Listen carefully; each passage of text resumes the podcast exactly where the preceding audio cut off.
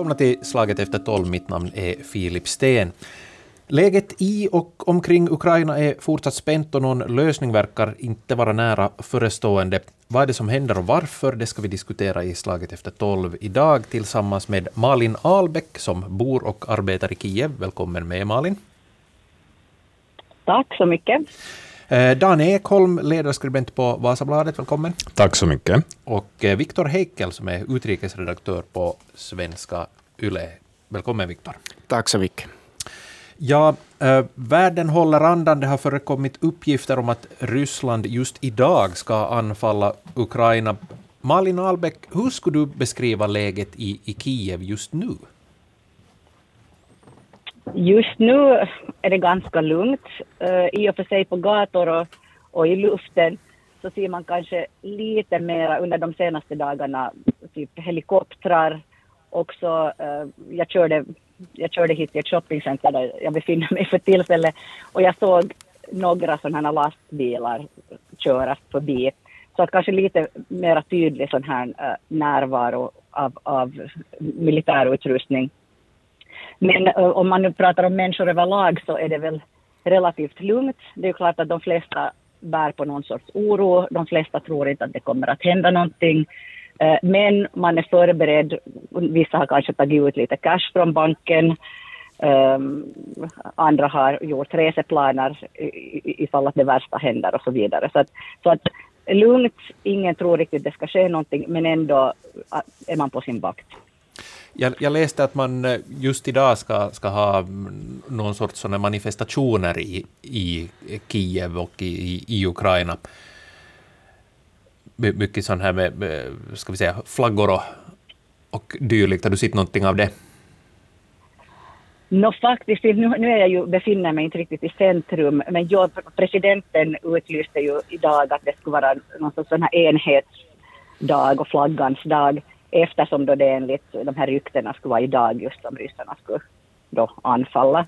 Men att jag har nu inte tills vidare faktiskt sett någonting av det här. Det kan ju hända att, att flaggorna har rest inne i, inne i stan, men här ute på stadens utkanter så är det en helt vanlig arbetsdag. Mm, men du, du säger att så där på det stora hela så, så går livet ungefär sin gilla gång där? Ganska normalt? Ja, ja det, det gör ganska, ganska normalt uh, med då liksom ökad förstås oro för vad som nu hända skall. Men att, att man ser inte, förutom då den här lite mera tydliga då militära närvaron, mm. um, som även mina kollegor kommenterat, att de hade sett också extra något pansar, inte pansarvagn, men något sådana här lastbilar köra förbi. Men, men, men annars, annars helt, helt vanlig arbetsdag här i Kiev. Här under veckoslutet så uppmanade ju Finland äh, finska medborgare i Ukraina att äh, lämna Ukraina. Hur, hur tog du emot det, den uppmaningen? No, ja, förstås blev man ju väldigt, no, både, både lite sådär skrämd och upprörd. Eh, jag fick det på natten till lördagen och vaknade på lördagen av, av det här meddelandet. Sen på söndagen kom det ytterligare att, liksom, inte bara att vi uppmanar utan det var liksom lämna landet omedelbart. Eh, jag har diskuterat det här med min man, han är ukrainare och vi har släkt och, och liksom hus och, och, och all egendom här. Eh, Trots att det förstås är, anmärkningsvärt att, att utrikesministeriet kommer med den här sortens rekommendationer så, så beslöt vi oss för tillfället att, att stanna och avvakta situationen. Det blir så dubbla, dubbla meddelanden, dels den här liksom horrorscenariot från då, också från massmedia och då ens egen, eh, en, ens egen eh, ambassad och, och eh, regering. Men sen å andra sidan liksom den lokala kännedomen också förståelsen för liksom vad Ryssland brukar hålla på med och vad de står för. Så det blir liksom lite sån här disbalans och för tillfället har vi valt att, att avvakta. Mm. Men det är klart man oro, att det är ju en ett orosmoment. Precis där, alltså just det här, vad, vad är det Ryssland egentligen håller på med? Om vi, vad, vad säger du Daniel Ekholm, varför är Ukraina en sån nagel i ögat för Ryssland? Kanske då speciellt för Vladimir Putin? Ja, egentligen är väl inte, inte Ukraina som sådant ett problem, men, men han vill väl gärna att Ryssland ska ses som en stormakt igen eh, så sent som igår när Olaf Scholz, Tysklands nya förbundskansler, besökte Moskva så talade han om om eh, Ryssland i en historisk kontext, det vill säga han vill se sig nu som den här store ledaren som eventuellt bygger upp ett nytt östligt imperium igen.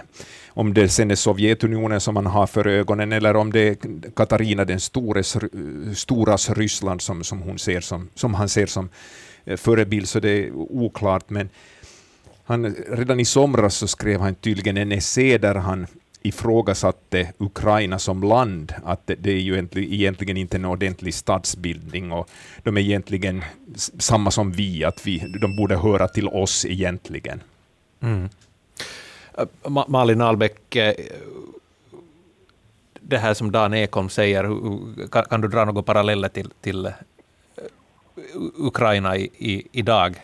Diskuteras de här sakerna? Ja, eh, Ja, alltså, å ena sidan handlar det ju inte om Ukraina, som, som Dan sa, men sen å andra sidan eh, har, har jag nog på känna att det, det handlar också om Ukraina och, och Ukrainas just eh, möjligheter och just det här att, att, att, han, att Putin lever kvar då i det här liksom storryska på eh, sovjetiska eh, tänkesättet som har dött ut för länge sedan eh, bland, bland ukrainarna, att vi skulle på något sätt vara ett enhetligt folk.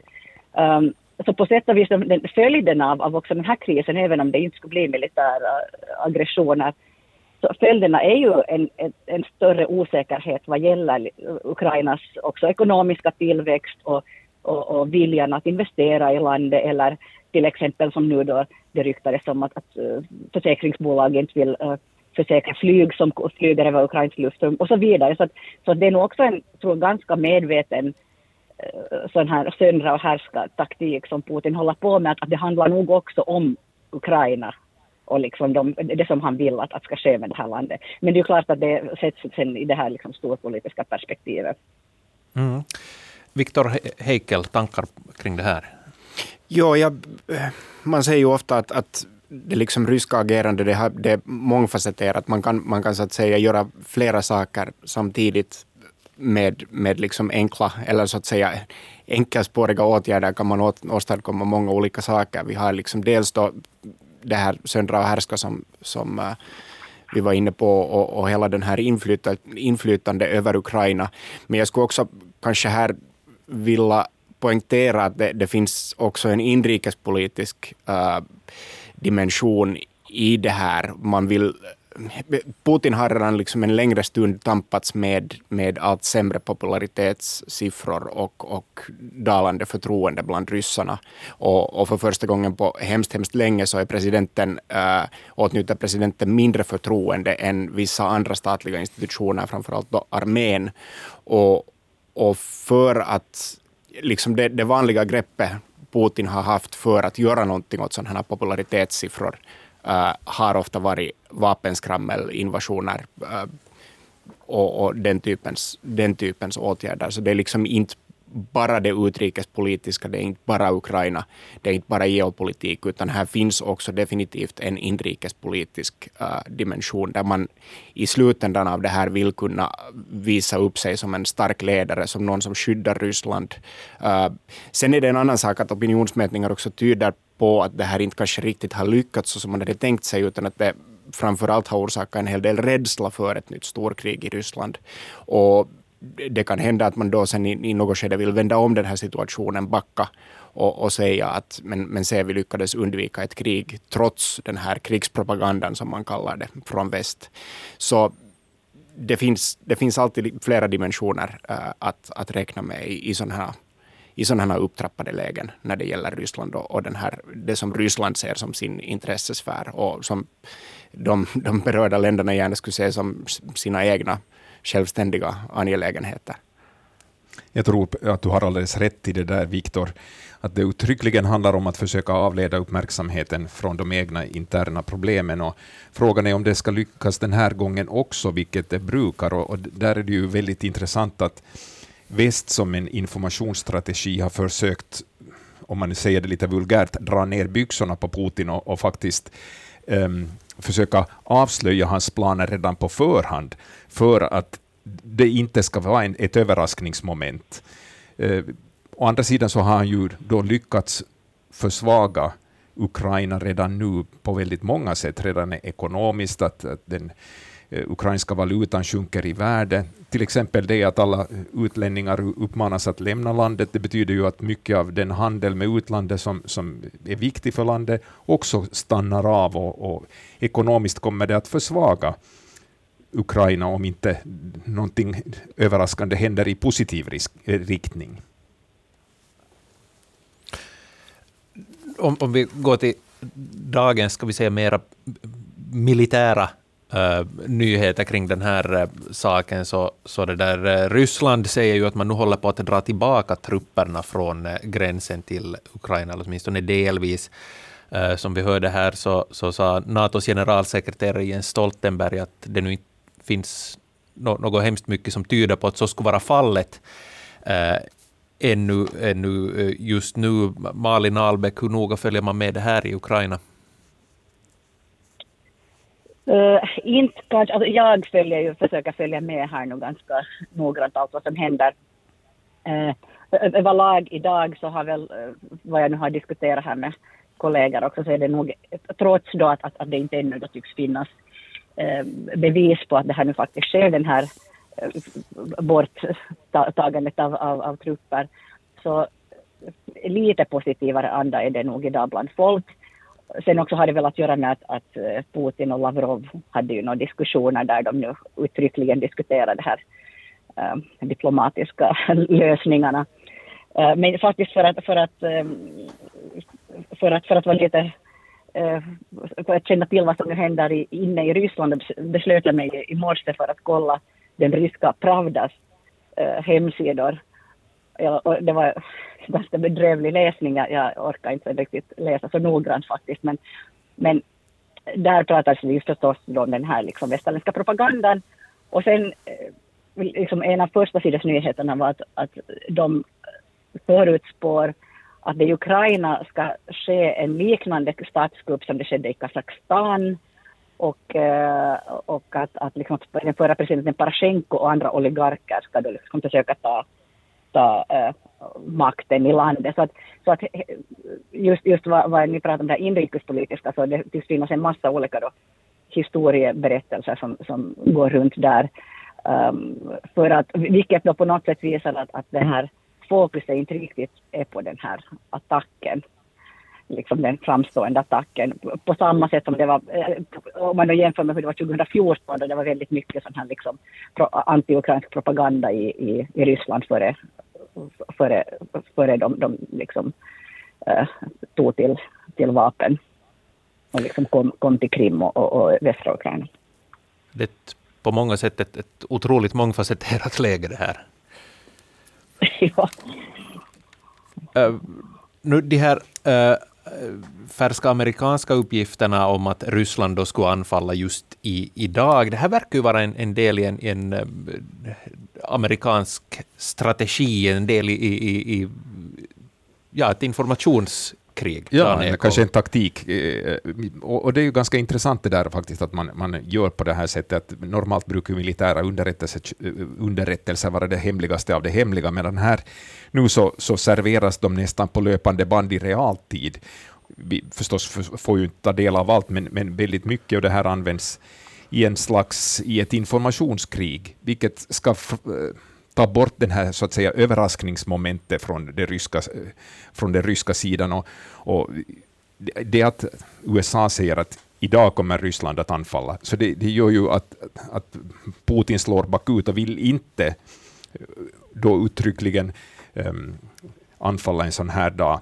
Så att det, det, kan ju vara liksom ha fört något positivt med sig, att, att man har, har liksom skapat en, ett narrativ, en berättelse om att, att det är Ryssland som är boven här och, och, och de kommer att anfalla då och då. Och att dessutom kommer de att använda sig av sådana här metoder som att använda skådespelare som, ska, som man sprutar grisblod på eller någonting annat för att de ska se döda ut eller sårade ut.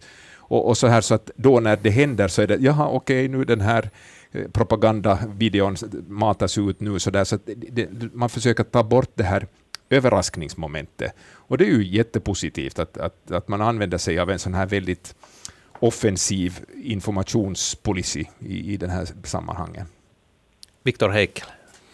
Eh, ja, det här är definitivt nog, alltså vi vet ju inte eh, vilka, så att säga, vilken information det här bygger på och, och vad USA vet, vad, vad liksom administrationen vet som vi inte vet.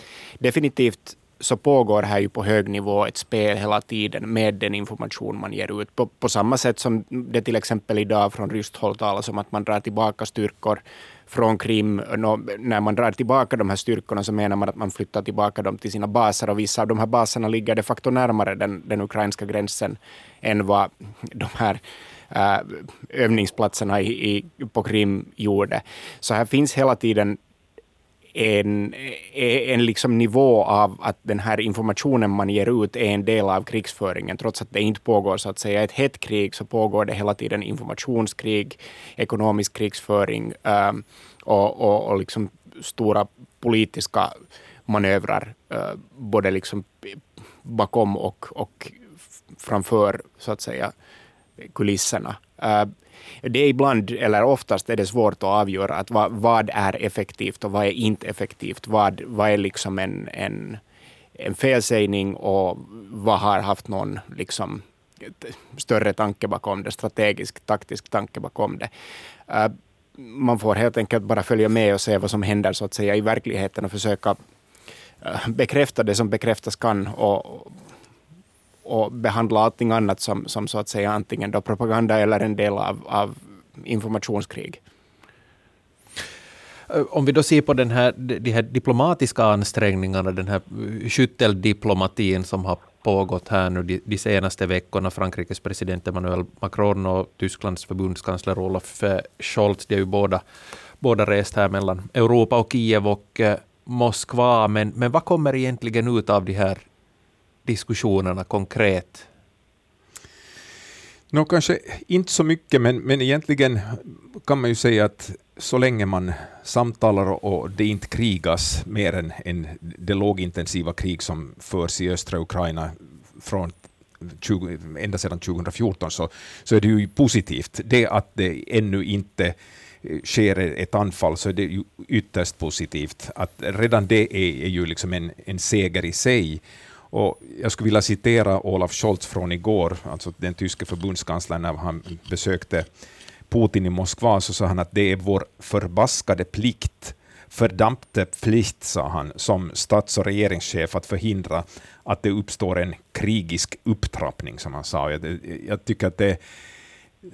Jag har aldrig sett egentligen Olaf Scholz så sammanbiten och så beslutsam som han, har varit, som han var igår, för att tidigare har han ju kritiserats för att vara liksom eller att den nya tyska regeringen är alltför Putin-kramande, säger kritikerna. Och, och de, det, var, det var ett, ska man nog säga, att uh, Tyskland var nästan den svagaste länken i, i den liksom västliga alliansen på något sätt, i, i det att de var väldigt ovilliga att, att sätta hårt mot hårt mot Ryssland i den här frågan. Mm. Om vi då bortser från Ungern som är ett, ett problembarn i, i sig, men, men ja. när vi talar om, om de övriga västallierade så, så var Tyskland rätt så mesigt. Jo, jag, jag, jag, är nog inne på samma spår. Jag upplever också att det har varit folk i medierna i väst har varit rätt kritiska mot ganska många av de här mötena, eller framförallt de här, de här stats och regeringschefernas äh, agerande i och kring de här mötena.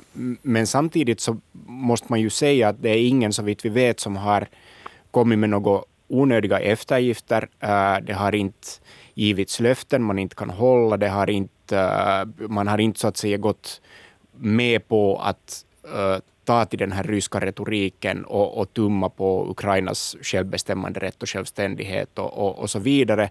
Så jag skulle ju säga att, att samtidigt som man kanske inte liksom har, har flyttat på målstolparna hemskt mycket, så har man ändå liksom lyckats hålla en gemensam linje och, och hållit sig till ett någorlunda gemensamt narrativ kring de här frågorna.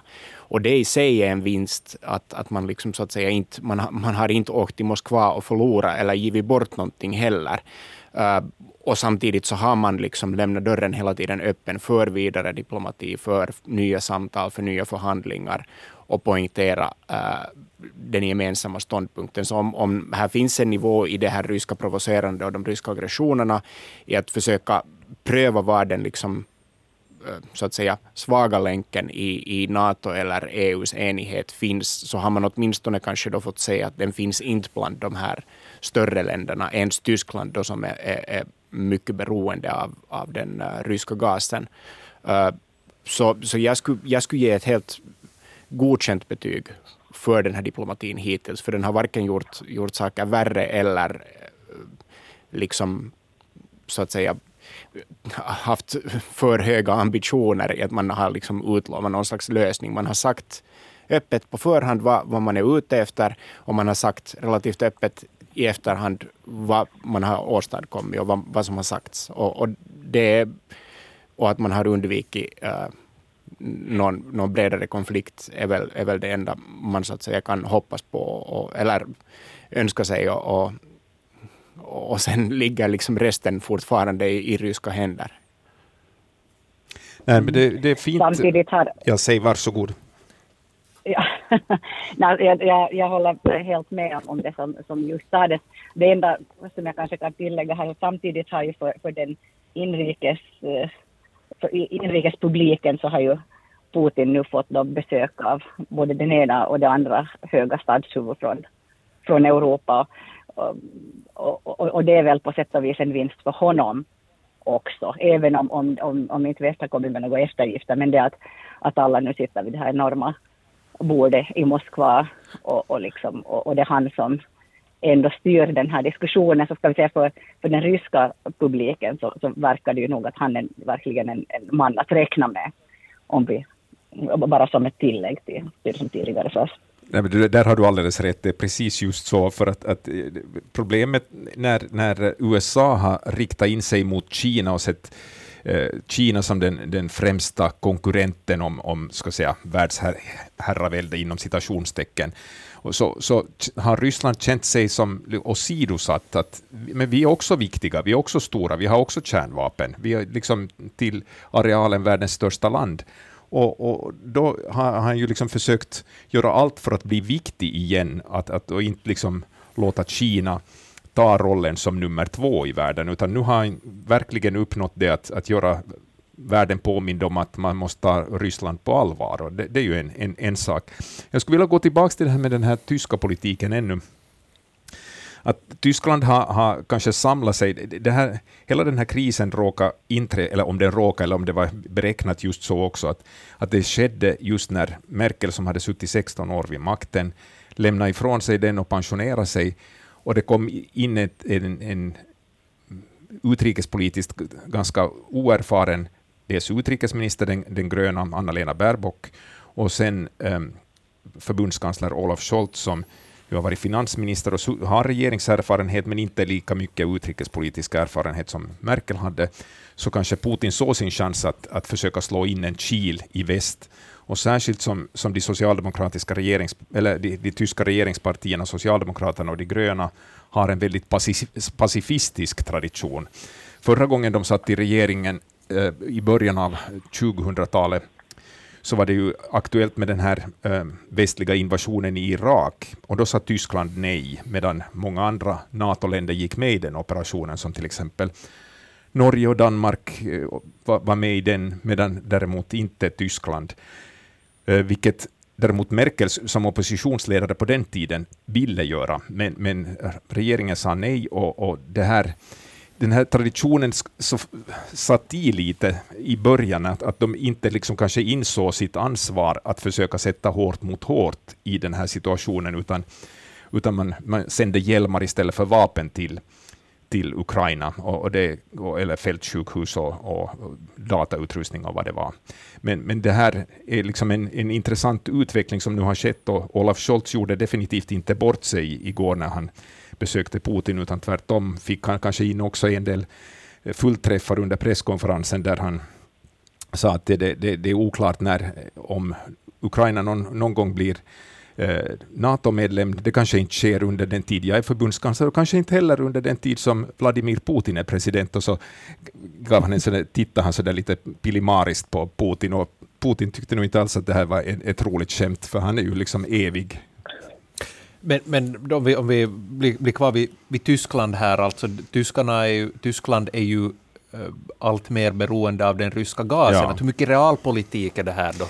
Ja, det är klart, de är ju i det, och de, de har haft en politik som gått ut på att avskaffa kärnkraften, och de sista kärnreaktorerna ska stängas i slutet av det här året. Jag tror att det är tre stycken reaktorer som, som fortfarande är i drift. Och samtidigt så uh, håller man ju på snabbt att, att bygga ut vindkraften och hela 2 procent av Tysklands yta ska utgöras av vindkraft. Men, men det tar ju tid och det är dessutom fluktuationer i, i väderförhållanden som de är då beroende av. Och, och under tiden så, så måste de ha rysk naturgas och den är, den är dyr, men de behöver den och det här är liksom ett jättestort problem. Och att, att ersätta det med amerikansk skiffergas som kommer i LNG-form, alltså transporteras med fartyg till, till Tyskland, så kommer också att bli väldigt dyrt. Så det, det är klart att så, Tyskland har, har gjort sig beroende av den ryska gasen och det är i det här läget väldigt besvärligt. Malin Albeck, hur, hur ser man i Ukraina på de här västländernas diplomatiska äh, ansträngningar? Uh, jag tror att, att ukrainarna dels uh, dels inser väl de att, att, att en del av, av, av, av det som sker är också inrikespolitiskt spel för, eh, för såväl Johnson som, som Biden, som, som alla andra uh, världsledare som, som beblandar sig i, i den här situationen. För de har ju också, precis som Putin, har ju också saker att vinna och förlora inrikespolitiskt det som, det som ukrainarna mest bryr sig om faktiskt så här överlag är vem som understöder dem eh, ekonomiskt och militärt, framförallt militärt. Och då har ju Tyskland, precis som ni nämnde, inte varit den, absolut inte varit den aktivaste samarbetspartnern i Europa. Ehm, tvärtom så till och med eh, förbjöd Tyskland eh, esterna att skicka tyskproducerad krigsmaterial till Ukraina. Så att, att um, det är mest sådana saker skulle jag säga som vanligt folk liksom känner till. Okay, att vem är liksom på vår, vem, vem är det som hjälper ifall att vi faktiskt blir anfallna? För att eh, diskussioner och, kring stora bord i all ära, men, men här är det ändå frågan om, om realpolitik och, och eventuell krigsföring. Så att, att det är nog mer det som, som de fokuserar sig på. Mm. Uh, vi har en stormakt uh, till som vi bara har nämnt i, i förbigående här i, i den här diskussionen, nämligen, nämligen uh, USA. Om man ser på USA som, som, som sådant. Viktor Heikel, hur, hurdant betyg ger du till exempel president Joe Biden så här långt i den här, under den här krisen? Det egentligen beror lite på vilken del av, av hanteringen som man man ska ge det här betyget för. Men alltså till en början så åkte ju Anthony Blinken, äh, utrikesministern, ganska långt skytteltrafik mellan olika, olika europeiska huvudstäder och Genève och Paris och Berlin och Kiev och så vidare. Och, och tog en hemskt aktiv roll på något sätt i att mobilisera den här diplomatiska, äh, diplomatiska liksom, karusellen kring krisen. Och efter det har man kanske mest stått lite sådär vid sidan om, tagit del i liksom Natos uttalande, men inte kanske varit den mest aktiva parten, åtminstone sådär i, i rampljuset när det har gällt de här. Utan man har, man har ganska långt överräckt det här ansvaret till europeiska huvudstäder och, och stats och regeringschefer. Och jag tror att det är ett helt smart drag med tanke på att det också liksom poängterar äh, Tysklands äh, ansvar, EUs ansvar, Frankrikes ansvar som de här stora, stora liksom diplomatiska länderna i, i Europa som motpart till, till Ryssland. Och, äh, det finns en risk om det är så att Blinken och Lavrov sitter en gång i veckan och diskuterar Ukraina, att vi återgår till liksom en, en kalla kriget-situation där det förs en sån här liksom kolonialistisk diskussion ovanför det här självständiga landets huvud om dess framtid. Och det finns en risk också att man liksom dras med i det spelet som Ryssland delvis vill, det vill säga att man börjar diskutera intressesfärer istället för Ukrainas självständighet och rätt till självbestämmande rätt också om försvarsfrågor.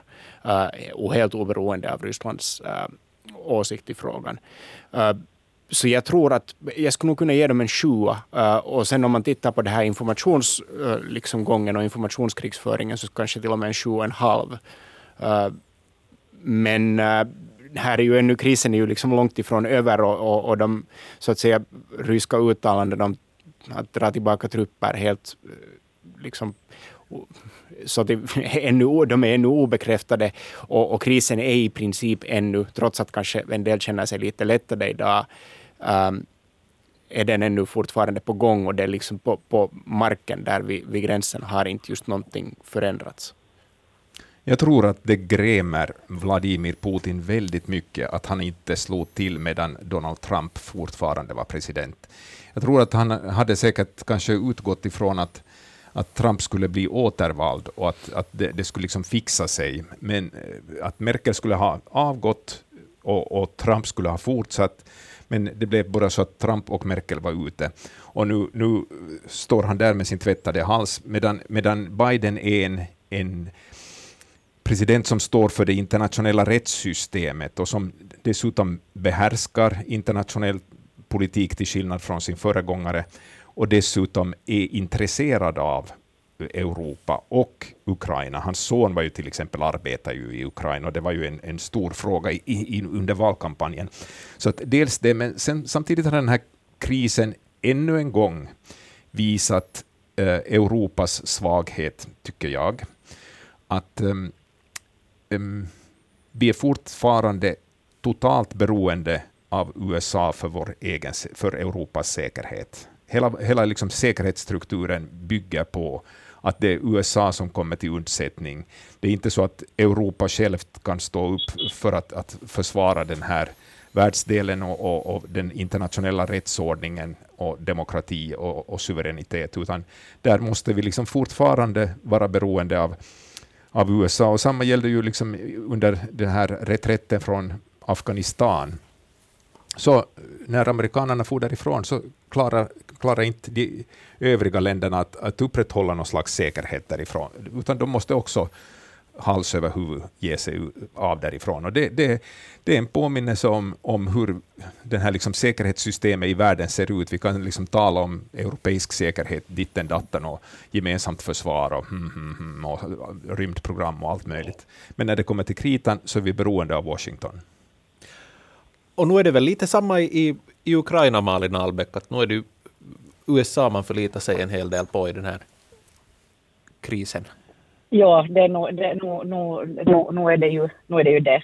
Att USA är, är, eh, eh, eh, är det land som man ser, ser upp till och, och, och väntar på, på hjälp från. Att, att EU, jag menar EU har ju förstås gett mycket ekonomiskt understöd till Ukraina under de senaste åren, men att, men att vad gäller just det här eh, direkt aktion och, och hjälp i, i, i, kriget mot, mot Ryssland så, så är, det, är det nog USA nummer ett, skulle jag säga.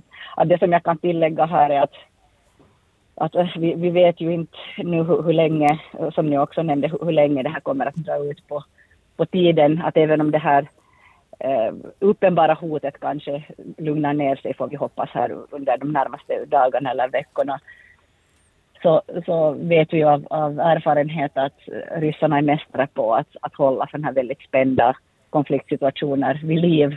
Så som till exempel i, västra, eh, i östra Ukraina eller ja, Krim har vi väl förlorat i det här laget, men, men alla de här eh, zonerna som, som där det pågår sådana här utdragna ställningskrig. Uh, och det är ju frågan, det som jag är orolig för här är att, att, att, att om det kommer att fortsätta vara ett sådant spänt läge liksom i månadtal framöver, även om kanske inte den här attackrisken är lika prominent som den är just nu. Där säger jag tack till eh, Malin Albeck i Kiev. Tack också eh, Viktor Heikel som är utrikesredaktör på Svenska Yle och Dan Ekholm, ledarskribent på Vasabladet. Mitt namn är Filip Sten och eh, Slaget efter tolv är tillbaka i morgon.